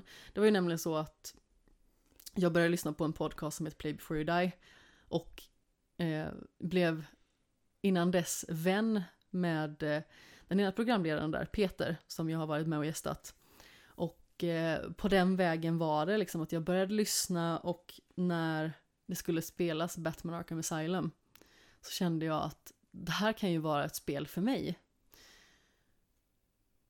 Och det fanns så himla mycket nytt tyckte jag då i spelet. Alltså det var ju ett spel som var flera år gammalt redan. Men det, det kändes som att det var en så enormt stor skillnad i upplevelse i relation till alla andra spel som jag hade spelat tidigare, alltså rent eh, berättelsemässigt och hur det såg ut, hur det kändes. Alltså, man kände sig verkligen som Batman på riktigt och kände sig kanonhäftig. Och sedan så tycker jag att Batman Arkham Asylum är en sån komplett upplevelse, för jag uppskattar verkligen den här eh, läskiga, eh, instängda känslan som spelet bär med sig. Jag kommer ihåg att jag satt på kontoret och jag hade precis jobbat klart och så tänkte jag så här att nej, jag måste sätta mig och spela Batman direkt. Så jag gick inte hem direkt och då eh, hade det börjat skymma ute. Så det var jättemörkt och så låg liksom eh, det rödorangea skymningsljuset igenom persiennerna mot väggen och där stötte jag på Scarecrow för första gången. Och jag höll ju på att lägga en liten aprikos. Och jag som är en eh, regelrätt fegis tyckte att det var kanonläskigt. Men jag var också naturligtvis fascinerad över hur många grepp som spelet tog som jag inte hade upplevt förut. Och det är ju naturligtvis för att jag har ju liksom ett väldigt stort gap i min spelhistoria om man säger så. Så eh, det var liksom startskottet på att jag började spela spel inom citationstecken då på riktigt. Det låter så himla tönt att säga. Eh, för att det känns liksom som att man nästan främjar hela den här kulturen med att man ska vara en riktig videospelare som spelar på riktigt med eh, svårighetsgraden och skriker yeah. Men eh, eh det var liksom känslan av att uppleva en helt ny värld. Och det är nu vi brister ut i sång och sjunger en helt ny värld. Nej. Nej. Nej, jag lovar, det ska vi inte göra. Eh, det tar vi en annan gång i Karaoke-podden. Snart premiär. Du och jag, eller hur? Nej. Absolut inte. Jag var helt säker på att vi faktiskt eh, hade kommit överens att det var liksom nästa projekt. Du kan sjunga och jag kan dansa. Och dansen syns väldigt dåligt just i podden. I know. Det var din plan hela tiden. Jajamän. Jag känner mig lite så här snuvad på den här idén nu. Mm, Jag känner att det var en jättebra idé. Vilken liksom nys, nyskapelse. Nyskapande skapelse. Nyskapelse. Ja, hur som har vi har inte så himla mycket mer att tillägga om Batman Arkham Asylum. Alltså jag har orerat i nästan alla poddar jag har varit med om, eller med i, om det här spelet. Och eh, jag kommer hålla det i min absoluta topp för evigt känns det som. Det är ett spel som ligger mig så otroligt varmt om hjärtat. Och eh, jag är så glad att det finns och att det liksom banade väg för en liksom ny del i mitt liv. Där jag fick träffa nya vänner, där folk inte dömde mig på det sättet som de hade gjort tidigare. Jag fick liksom vänner över hela landet. Och jag kände ändå liksom att jag uppskattades i sammanhanget. Och det betydde så otroligt mycket för mig. Så jag har också Batman Arkham Asylum att tacka för att jag liksom har träffat så himla mycket nya personer och att jag faktiskt sitter här och har skrivit om videospel i snart fem år. Vad är nästa spel eh, på din lista? För mig är nästa spel Left for Dead. Och det, det beror mycket på liksom så att om man tittar liksom så att, ja men så här, Pokémon var första, ja men äventyret liksom finnas tv-spel liksom som en grej. Mario Kart Double Dash, jag liksom spelar mycket med min syster. Gears of War, jag spelar mycket med Robin. Och Left 4 Dead är ju liksom spelet där jag lärde känna vår gemensamma kompis Oliver och Sebastian. Eh, just på grund av att liksom, Oliver och jag också, vi har figurerat på liksom samma forum jättelänge. Eh, Nintendo-forumet då. Som typ en mängd av mina kompisar, alltså typ ursprunget av många av mina kompisar ligger liksom i det forumet. Eh, och, och liksom sen när jag skaffade Xbox så lade jag till en massa kompis, eller liksom massa forumiter då på min vänlista. Och sen så här att, och jag är inte speciellt social av mig på det sättet. Och, och speciellt inte liksom sitta med okända människor via partychat, det är liksom vilket man inte kan tro i och med att vi har eh, pratat så himla mycket i podd innan eh, vi faktiskt blev ett par. Jo, men liksom, liksom det här med att, typ, att sitta och prata i någon partychat med någon man inte känner, det var typ, alltså det var typ skräckscenario för mig. Alltså jag, jag förstår dig jag- fullt ut. Verkligen liksom så typ att, för att jag hatar när det blir pinsamt, eller liksom det är tyst. Och så känner man att man måste säga någonting. Pinsam tystnad liksom. Mm. Och, jag, och jag, jag, jag kan liksom inte, det bara kryper i kroppen på mig. Jag tror att både du och jag är väldigt mycket mer blyga än vad man kan tro också. Ja, jag, jag, vet inte om jag skulle kunna kalla mig jätteblyg idag, men jag har ju varit det definitivt. Eh, vi kan säga att jag är blyg ändå. Och så, Bara för att hålla uppe din mystik. ja, oh. eh, och liksom så att sitta partychatt med folk liksom som man inte känner, det är typ liksom, men det är typ hemskt. Eh, så typ, om jag sitter med någon jag känner plus en ny människa, det är ingen fara. Men liksom att själv hoppa in med någon liksom så. Men i alla fall, jag var hemma hos Robin och vi spelade Left 4 Dead via hans potatisinternet. Eh, och sen så var det så här, Oliver bara, åh jag ser att ni spelar Left 4 Dead, kan jag vara med? Och vi bara, ja visst liksom. Och, fine, liksom var med. Och sen så började vi spela liksom så här med Oliver och vi körde liksom Ja men vi började liksom köra på då svåraste svårighetsgraden på Left 4 Dead för att det är liksom, det är då spelet är så roligast. Och för de som inte vet vad Left 4 Dead är så är det liksom ett, vad ska man, säga, man är fyra stycken överlevare så går man igenom en bana där man ska liksom ta sig igenom en hord av zombies liksom. För att bara att komma liksom till slutet. Och så är banan liksom uppdelad typ i fem kapitel eller sånt. Eh, så det spelade vi och sen han bara, ja, men jag har liksom jag har en bror, han är skitduktig på Left 4 Dead. Och så spelade vi med hans bror Jeremy. Och sen var det så här, åh jag har en kompis som heter Sebbe, han skulle vilja vara med och spela liksom. Och vi bara, ah, okej, och så spelade vi liksom eh, allihopa. Och det var liksom så vi lärde känna varandra, liksom att vi började liksom spela tillsammans. Alltså utan Left 4 Dead så förmodligen skulle inte jag känna Oliver. Eller Sebbe. Det är det som är det fina egentligen med de kontakter som vi har knutit via vårt videospelsintresse. Jag menar, för dig började det liksom med att Oliver ville hoppa in och spela i Left 4 Dead med Mm. dig och Robin. Och för lite mindre än ett år sedan så var vi på hans bröllop. Ja, ja, men precis. Och jag har liksom känt Oliver nu i tio år. Eh, och det är liksom, och det, det, det är ännu mer skrämmande är att anledningen till att jag har många av de här kompisarna är för att jag gjorde en användare på Nintendo-forumet 2006. Det är liksom en, hade inte jag gjort det så att då hade inte som Johan, alltså spelsnack hade förmodligen inte existerat, jag hade förmodligen inte skrivit på loading. Det är liksom, det är så mycket som har ändrats på grund av att jag gjorde liksom en användare där som, liksom, som har liksom påverkat liksom fram till idag. Liksom. Så Martin hade inte känt, Filip hade inte känt. Så att det, det är liksom ganska bisarrt när man tänker efter på det sättet. Men så lärde vi känna Oliver och Sebbe liksom via det spelet och, och sen så blev det så att Oliver är betydligt mer social än vad jag är. Eh, och jag kommer ihåg att jag praktiserade den hösten och så här, och Halo Reach kom ut och han, var, och han spelade alltid med så himla mycket människor. Och det är typ skräcken för mig att hoppa in liksom i ett party med typ sex andra människor jag inte känner. Och han var så här, ja ah, men kan du inte spela? Så jag bara, nej jag är så trött från praktik, jag, jag orkar liksom inte. Han bara, ah, okej, så här. Och sen fick jag ett meddelande en gång, så han bara, har du tagit bort mig på Xbox live? Och jag bara, va? Nej det har jag inte gjort. Han bara, jo men jag, jag kan inte se dig i min vänlista. Jag bara, men du är i min vänlista. Det måste vara något annat fel, för att jag har inte tagit bort det bara, men det är okej om du har tagit bort mig, du kan bara säga det. Och jag bara, men jag har inte tagit bort dig. Eh, och sen så vet jag inte hur det blev. Vi började spela mer och mer tillsammans. Jag kom väl över min skräck att, att inte kunna sitta i folk jag, jag inte känner liksom med. Och sen så blev det liksom bara att vi, vi typ spelade, jag kommer ihåg typ 2011 omkring där så var det typ så att det kändes typ inte ens värt att typ sätta sig och spela någonting om jag inte hade Oliver att prata med samtidigt.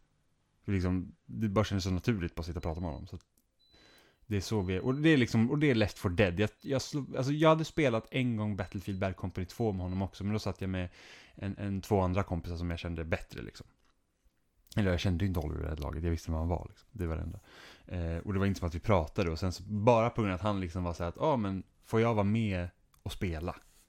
så känner vi varandra. Så att det var liksom, ja, det är ganska häftigt faktiskt. Ja, men det blir ju så himla många fina historier. Ja, ja, men jag skulle inte kunna liksom tänka mig att jag inte skulle kunna känna Oliver. Det liksom känns, alltså att vi bara har känt varandra i tio år, det, det känns som vi har känt varandra hela livet liksom. Ja. Och vi lärde ju också känna varandra liksom via spel. Ja, ja men precis. Alltså bo- både genom att vi har varit skribenter på Samma sida. samma forum, ja precis. Och eh, sen så har vi ju liksom gästat varandras poddar och sedan Mm. så eh, började vi liksom i samma podd. Mm. Eller ja, jag blev eh, rekryterad i den längsta Ja, längsta rekryteringsprocessen rekryteringsprocessen någonsin. Åh, gud. Sen typ 2016 eller något sånt. 2017 måste det ha varit, för det var då jag började på loading. Ja, fast jag försökte rekrytera innan dess tror jag redan började tänka. Du skrev för IGN då tror jag fortfarande. Jaha, Ja, ja, men det det, här var... Mm. är nya uppgifter för mig. Nej, men det här har jag berättat flera gånger. Det var ju det att, Men för tv-spelspodden började ju 2017. ja, då kanske det var 2017 då. Ja, Ja, i alla fall, det var i alla fall jättestörigt. Emma hade ju slutat och vi var så att vi vill inte ha en ny medlem om det, om det liksom ska vara en till snubbe liksom. Och då var det så att, och då kommer jag att du hade typ skrivit så här, bara, ah, jag skulle vilja ha en podd och podda eller någonting sånt. Och jag tänkte, ja ah, vad bra, då kan du liksom gästa spelsnack. Men jag vill liksom inte vara så, åh kom och joina oss. Jag tänkte, tänk om inte vi tycker om Amanda eller Amanda är sämst. Då vill man ju liksom inte säga så här, kom hit. Sen så bara, nu blir det awkward, så bara, nej det är inte tillräckligt bra. Då kommer jag ha sån gäst och sen funkar det inte så, då är det det liksom. Ingen behöver vara ledsen. Förutom vi då som hade inte kunnat ha en till rekrytering. Och sen så är det Aron då som skrev Så ah, han bara, han startade tv-spelspodden med Amanda och man såhär bara Alltså hur, hur gick det här till? Så det var snabba puckar, så klassiskt, så typiskt Aron, han bara nu startar vi, han vet inte ens vem knappt vem personen är någonting, han bara jag hittade henne på gatan, nu kör vi en podd. nej så var det inte alls. Det förstår jag att det inte är, men det kändes så i alla fall, det var Vi hade ju skitstörigt. skrivit eh, på samma sida i ett och ett halvt år. Jo, jag vet, men ändå, det var så det kändes ungefär. Ja, jag Jävla, förstår. Sen så hade vi Aron. ju eh, Jesper med oss också, Jesper Englin. ja, men som, han har aldrig eh, varit på rekryteringsfasen för vår podd, så det... Nej, men han har eh, varit väldigt involverad i att få med mig i tv-spelspodden Mm. i dess begynnelse. Ja, jävla Jesper. Ska ha ett snack med Jesper. Så, Jag ska också ha ett snack med Jesper, för han borde vara med och gästa den här podden igen. Han har inte Ja. varit med sedan avsnitt tre, oj, oj, oj. den lilla fismumriken. Ja. Nej, så, så det var liksom, och sen var det alltid så här, det var, så har jag sagt det, så var det synd att inte vi kunde få Amanda för att hon, hon, liksom, hon är duktig på att podda. Och sen så var det så att när jag tog en paus från spelsnack så var det så här, bara, ah, men jag, jag frågar Amanda om hon vill liksom hoppa in typ så länge jag inte är med. Och det ville hon inte göra. Det var ju inte riktigt så Nej, heller. du Alltså, ville göra det men, men du, du, du känner inte att du hann. För att jag vet att du, har- då hade du precis börjat skämshögen också dessutom. Ja, alltså grejen var ju Vilket att... ingenting stämde överens. Det var såhär bara, ah, vi kan rekrytera Amanda, så bara, nej nu har hon tv-spelspodden. Så bara, okej, Amanda kan hoppa in för mig. Så bara, nej nu startar en egen podd. Och man bara, vad fan? Det var två stycken poddar dessutom som startade samtidigt som jag skulle vara med i. Alltså dels så startade jag upp mitt eget projekt Skämshögen. Och dels så skulle tv-spelspodden börja om från grunden, slopa tv-spelspodden och börja om som öppna världar istället. Och det var i stort sett i samma veva. Så då kändes det ju som att eh, tre poddar var lite övermäktigt. På en och samma gång. men det är ju det. Alltså redan en podd kan vara mycket. Ja, men det är sant. Absolut. Mm. Men det, det, var, det var spännande. Ser inte så besviken ut. Mm. Du fick ju över mig till slut i Till spelsnack. slut, det tog jättemånga år. Två år av smygrekrytering. Mm, ja. Hur som haver. Eh, jag ska gå ner, vidare till eh, nästa spel. Och eh, nu ska det bli eh, mer eh, deppigheter. Jag vet inte, det är oftast jag som bjuder på deppigheterna känns det som. Men eh, här kommer det. År 2013 släpptes ett spel som heter Nino Kuni Wrath of the White Witch. Och jag började spela det hösten 2014. Jag var ju som sagt lite efter då, alltså det var ju väldigt många spelupplevelser som hamnade lite på efterkälken för mig. Även att jag försökte vara så aktuell som möjligt i och med att det intresset verkligen hade börjat eh, växa så lavinartat för mig. Men då i alla fall så satt jag med, med det här spelet och eh, lite som med The Sims så blev det ett sätt att eh, fly verkligheten in i en magisk värld och eh, försöka att eh, bara glömma allting som eh, pågick utanför. För det var ett ganska så eh, tufft år, eller vad man ska säga. Jag hade några år där på rad som eh, de innehöll en del eh, olyckliga eh, scenarion kan man väl lugnt säga. Men det hela började med att att eh, 2014 så fick min pappa också cancer. Eh, min mamma överlevde ju och eh, det gjorde min pappa också. Han fick en tumör som opererades bort, han fick stomi. Men efter ett tag så upptäcktes det också att på grund av behandlingen efteråt så hade han fått väldigt omfattande nervskador. Vilket i stort sett skulle resultera i att han aldrig skulle kunna gå helt normalt igen. Och eh, det läkarna sa till honom var i stort sett att om det blir någon förändring så kommer du få sitta i rullstol. Vilket naturligtvis eh, måste vara fruktansvärt för vem som helst att få höra. Liksom att blir det någon förändring så kommer det inte bli bättre, utan det kommer bli sämre. Och eh, det var ju så otroligt hemskt. Eh, och jag såg liksom hur pappa kämpade naturligtvis med, med det här. Kunde inte gå ordentligt, eh, fick börja gå med stavar så han hade någonting att stötta sig på. Eh, men i det här i alla fall så var jag lite i ett svävande läge jobbmässigt. Jag visste inte riktigt exakt vad jag ville göra. Alltså jag flängde runt på gym och hade massa olika gruppträningspass. Jag jobbade extra i receptionen. Jag tog diverse fotouppdrag. Som sagt, jag var runt en del och eh, hade liksom ingen eh, solid grund så. Och dessutom så hade jag liksom inte påbörjat någon utbildning så som eh, många andra gjorde. Ganska så tätt in på gymnasietiden. Men då i alla fall så var det en eh, kollega till mig som heter Alessio som eh, var på klubben och höll ett föredrag där han pratade om personlig träning. Det var nämligen så att eh, en annan kollega till mig skulle starta upp en personlig tränarutbildning. Och han skulle vara delaktig i den här då, den här Alessio som han heter. Och skulle prata väldigt mycket om försäljning.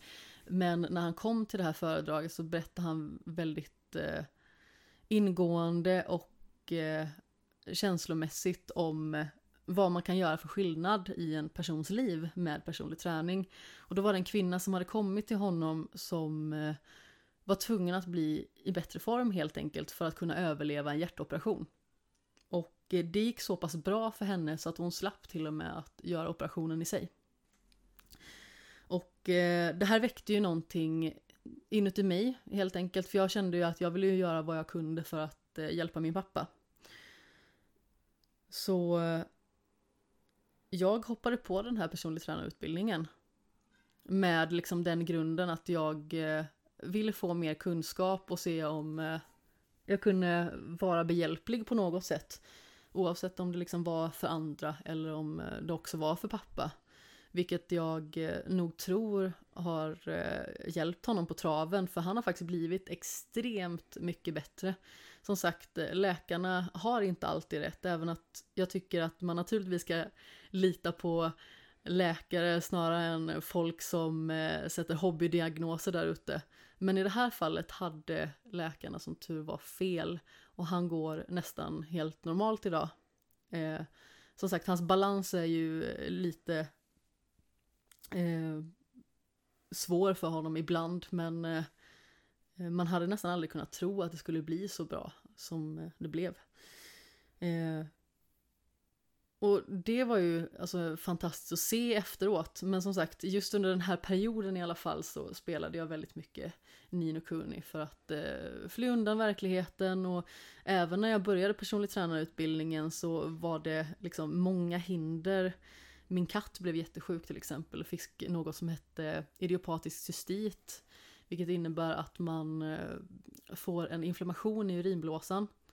Som eh, den är kronisk helt enkelt. Man kan bromsa den men katten kan liksom eh, aldrig bli av med själva sjukdomen och man vet inte varför den uppstår. Och eh, i det här läget var jag väldigt stressad. Jag hade ju liksom mycket på min agenda. Jag pluggade och jobbade samtidigt. Jag eh, började få stressmigrän, jag började få tunnelseende, eh, ibland andningsproblem och, och sådant liksom. Vilket också resulterade i att katten blev mer stressad och mer sjuk och kissade överallt i hela lägenheten. Och då blev jag mer stressad. Så det var som en väldigt ond cirkel. Och mitt i det här så fanns det här spelet för mig. Och jag spelade det jättemycket i ungefär ett eh, halvår. Och eh, framförallt så var det liksom en väldigt storslagen upplevelse.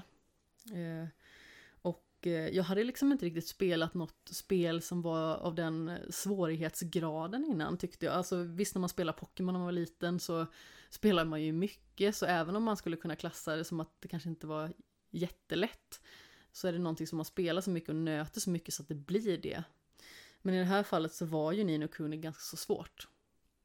Och det kändes som att det var väldigt mycket i linje med livets utmaningar just då. Och eh, någonting som skulle komma att bli väldigt viktigt för mig under den långa perioden. Jag känner att jag bidrar med de mest eh, deppiga berättelserna. Ja. Förlåt. Det behöver jag inte be om ursäkt för. Och förlåt kära lyssnare om ni har eh, eh, suttit och eh, blivit besvärad där ute över mina långa utläggningar om eh, kanske lite tuffare tider, men det är det som är det fina med spel, är att spel finns ju inte bara där för en när allting är roligt och livet leker och man eh, dansar på borden och det är vin, kvinnor och sång, utan spel finns ju där i de mörkaste av tider och eh, det kan vara liksom så himla mycket mer betydelsefullt än inom citationstecken att det bara är ett spel. Vi har ju varsitt spel till. Och eh, ditt sista spel på listan är, Mitt sista spel är Minecraft. som kom när du var hur gammal? Eh, det släpptes officiellt 2011, men jag spelade, Så då var du 20 år ja, gammal. fast jag spelade första gången på riktigt 2012 när det kom till 360. Ah, okej. Jag hade testat lite på PC innan jag hade sprungit på en strand, grävt ner mig i marken för att gömma mig för en spindel och aldrig startat igen.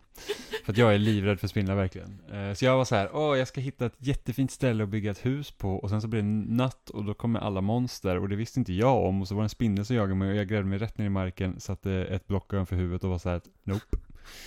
Eh, men sen började vi spela det på allvar när det kom till Xbox 360. Och och det känns lite som att cirkeln är sluten här, liksom att återgå till varför jag tycker Pokémon Röd var så himla fantastiskt, för det känns verkligen som ett äventyr. Och Minecraft är på så många sätt ett äventyr, speciellt eh, när, när spelet var nytt och man inte liksom känner till någonting. För att man, när allt var nytt i det spelet så var det så himla magiskt. Alltså, då tänker jag ändå så att hur begränsad kartan var på konsolversionerna i början. Alltså du hade, alltså man tänker så att du har en karta i Minecraft, alltså liksom som man säger ett block eller någonting sånt. Eh, på PC kan ju liksom kartan vara typ oändlig. Och även i, i, idag, liksom, spelar man spel på Xbox One idag så till exempel så är kartan liksom oändlig.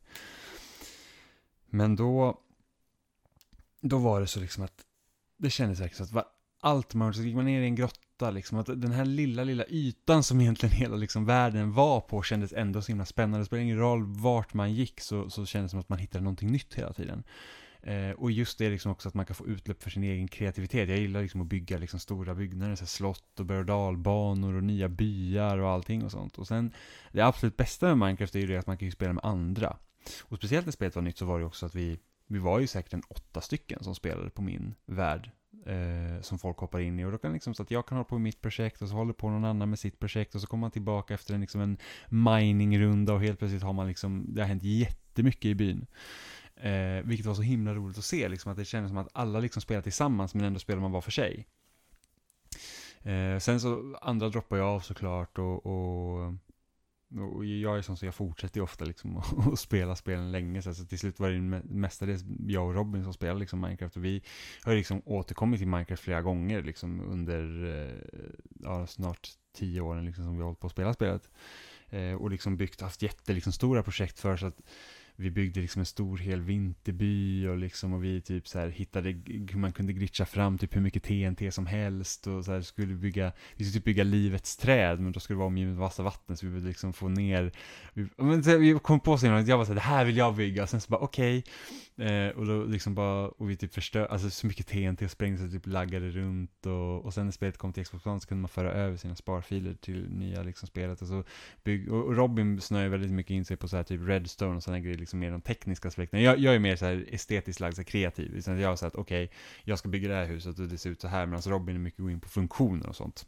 Klassisk Robin är dock att han ofta läser instruktioner och sånt fel första gången, så att det blir alltid väldigt mycket extra att göra.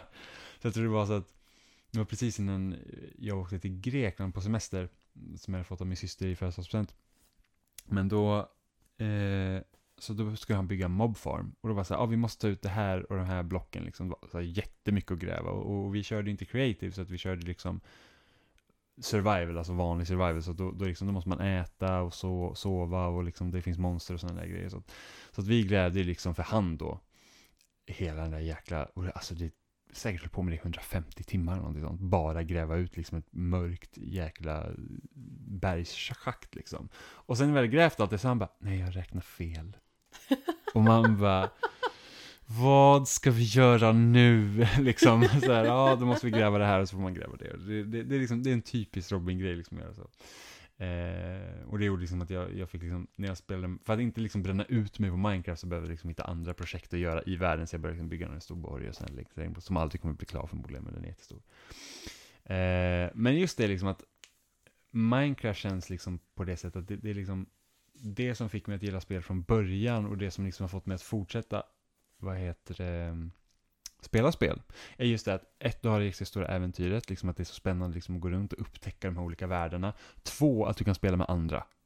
Alltså det är liksom två väldigt stora aspekter i liksom varför jag gillar spel väldigt mycket. Och även om jag spelar liksom väldigt, jag spelar väldigt mycket spel överlag, liksom olika typer. Vad gör du? Olika typer spel och sådär. Och det är inte som att, åh det här är multiplayer, då måste jag spela det. Men det är liksom, det är så kul att kunna dela sitt intresse på ett sätt som man inte kan göra egentligen med något annat medium. Liksom, visst, man kan sitta och titta på film tillsammans, eller man kan liksom gå på konserter tillsammans, man kan lyssna på musik tillsammans och allt sånt. Och liksom, Men här skapar man upplevelsen. Precis, och man, liksom, man är i världen, liksom, man, man, får, man får liksom vara, alltså, ta bara en sån sak när vi liksom, vi var sex pers och klarade raid, liksom den första raiden i Destiny 2. Det var ju en jätte Alltså det är liksom, jag är inte jätteförtjust i Destiny sådär, liksom, att jag tycker inte att det är ett fantastiskt spel. Alltså, tvåan är ju bättre än ettan. Men liksom just det här liksom, att här var en stor utmaning vi själva fick lösa och liksom klara själva helt enkelt. Var liksom så här att vi, vi, vi tränar inför raiden, liksom så här, hitta bättre gear och liksom planera och sen så hade man så att, ah, men ikväll då måste vi liksom köra raiden och träna. Liksom så. här. Eh, det gör det jättekul. Och, och, Minecraft liksom verkligen fångar in det som jag tycker om med spel. Det är att det är stort och det är spännande och man får upptäcka saker och sen om man kan göra det tillsammans, det är fantastiskt. Ja, och det är väldigt roligt att eh, vi båda två sluter cirkeln med eh, varsitt äventyr, eller man ska säga. Vi båda började med äventyr och vi avslutar den här lilla listan med äventyr. Och 2017 släpptes ett spel som jag tror att väldigt många förknippar mig med förutom Batman, och det är Horizon Zero Dawn. Och anledningen till att det här spelet har betytt så himla mycket för mig, det var att det var dels första spelet som jag recenserade på loading. Alltså jag hade ju ett helt år plus lite till av recenserade på IGN Sverige. Men eh, det här var första uppdraget där jag verkligen kände att det här är ett så stort spel och att eh, Oscar som då liksom delade ut uppdragen, att han trodde på att jag, lilla jag, skulle göra ett bra jobb med att recensera det här liksom spännande nya spelet. Alltså det betyder så himla mycket för mig och lite för min utvecklings skull också. För att jag har ju en viss historia, precis som jag berättat tidigare så har jag blivit väldigt nedtryckt av folk i min omgivning och då menar jag liksom inte mina föräldrar eller min släkt och så för att det är oftast de som har varit eh, absolut mest stöttande och i synnerhet mina föräldrar som jag i många tider har liksom känt varit de absolut bästa vännerna jag har i stort sett. Ehm, men eh, just på grund av liksom det här eh, nedtryckandet och mobbningen så har jag en ganska så dålig självkänsla. Alltså jag är ganska självsäker när det väl liksom kommer till vissa aspekter där det gäller att jag ska veta saker och eh, prestera eh, i viss mån. Men jag har lite dålig självkänsla, eller ganska så mycket dålig självkänsla. Och eh, här så kände jag ju liksom då att jag kan göra det här. Eh, och jag skrev en text som jag blev otroligt nöjd med. Jag fick sedan recensera eh, påbyggnaden av spelet då i The Frozen Wilds lite senare. Och dessutom så kändes det som att när jag recenserade det här spelet så genererade det så himla mycket mer. Eh, jag gästade poddar, jag eh, blev delaktig i en podd, alltså jag var liksom med och startade upp en. I stort sett. Och eh, sedan så eh, började jag skriva kanske både bättre och mer flitigt. Och dessutom så fick jag då eh, jobb på Svenska Bowlingförbundet och fick börja skriva texter där. Vilket också genererade då att jag faktiskt fick skriva för pengar. Vilket kändes väldigt stort att eh, liksom bli anförtrodd med det uppdraget. Samtidigt som eh, Horizon Zero Dawn naturligtvis, det var ju en stor upplevelse för att jag har liksom inte tilltalats tidigare av öppna världar och liksom inte känt att eh, det är en formula som fungerar så himla bra för mig. Men det var liksom en spelupplevelse som jag verkligen insöp totalt när jag recenserade. Jag vet att jag satt och väntade på det här rackarns spelet för jag hade väldigt eh, tveksam internetuppkoppling eh, i ungefär ett år när jag flyttade från eh, skyddsrummet eh, till eh, min lilla etta i Alingsås. Och då fick jag gå hem till mina föräldrar och låna deras uppkoppling och den var inte så jättebra.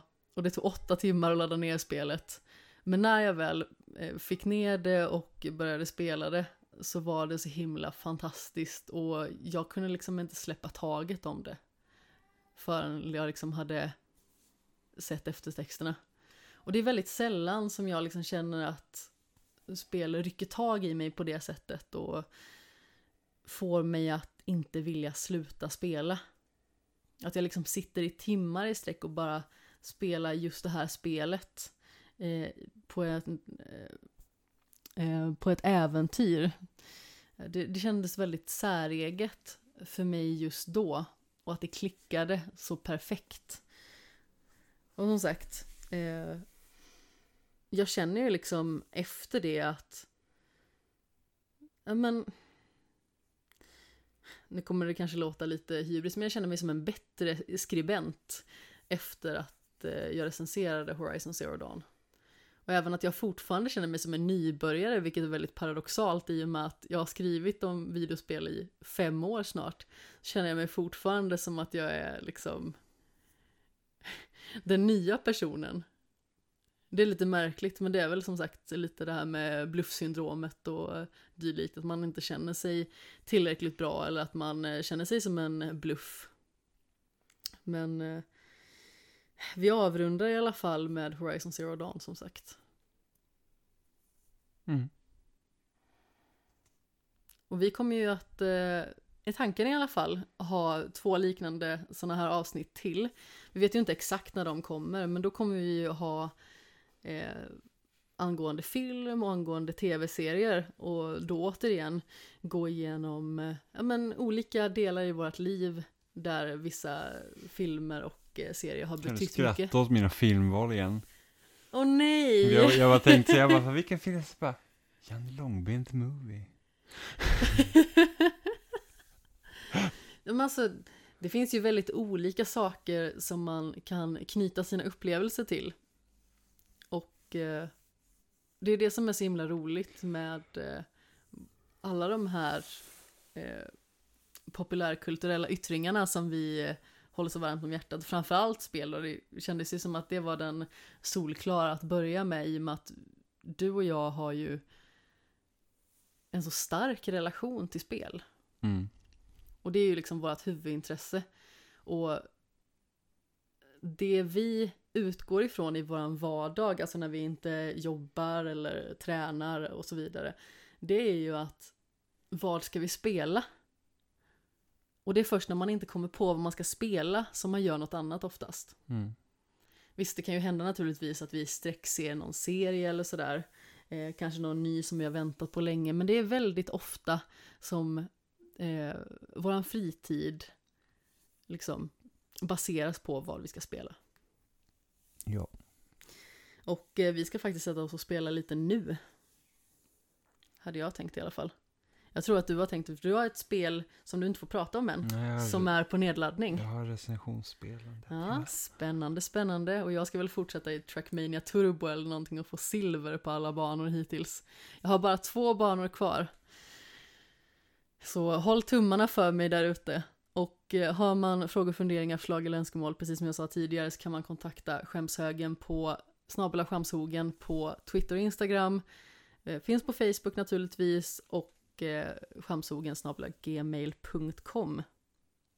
Vad tyckte du om det här segmentet Jimmy? Det var roligt. Ja men vad härligt att höra. Mm. Skoj. Det hade varit lite jobbigt om vi hade liksom suttit här och pratat i eh, typ två timmar och sen, vad tycker du? Jag tycker det var sämst. Men eh, ja, vi kommer ju höras i spelsnack eh, härnäst, antar jag. Och eh, jag har några gäster på tråden. Så vi får se i vilken ordning dessa tas. Jag vill inte riktigt avslöja någonting än naturligtvis i och med att man vet ju aldrig vad som händer. Men eh, snart är det ju årsskifte också. Så då blir det ju lite shame of the year naturligtvis. Det är snart jul också och vi kommer ju göra en liten rolig eh, lucka i loading-kalendern som man kan hålla ett öga på. Och eh, som jag gissar att vi kanske släpper i poddformat också bara för att ja, ha lite extra julstämning att bjuda på. Men eh, vi säger godnatt kanske. Ja. Och eh, puss i ljumsken. Hej då.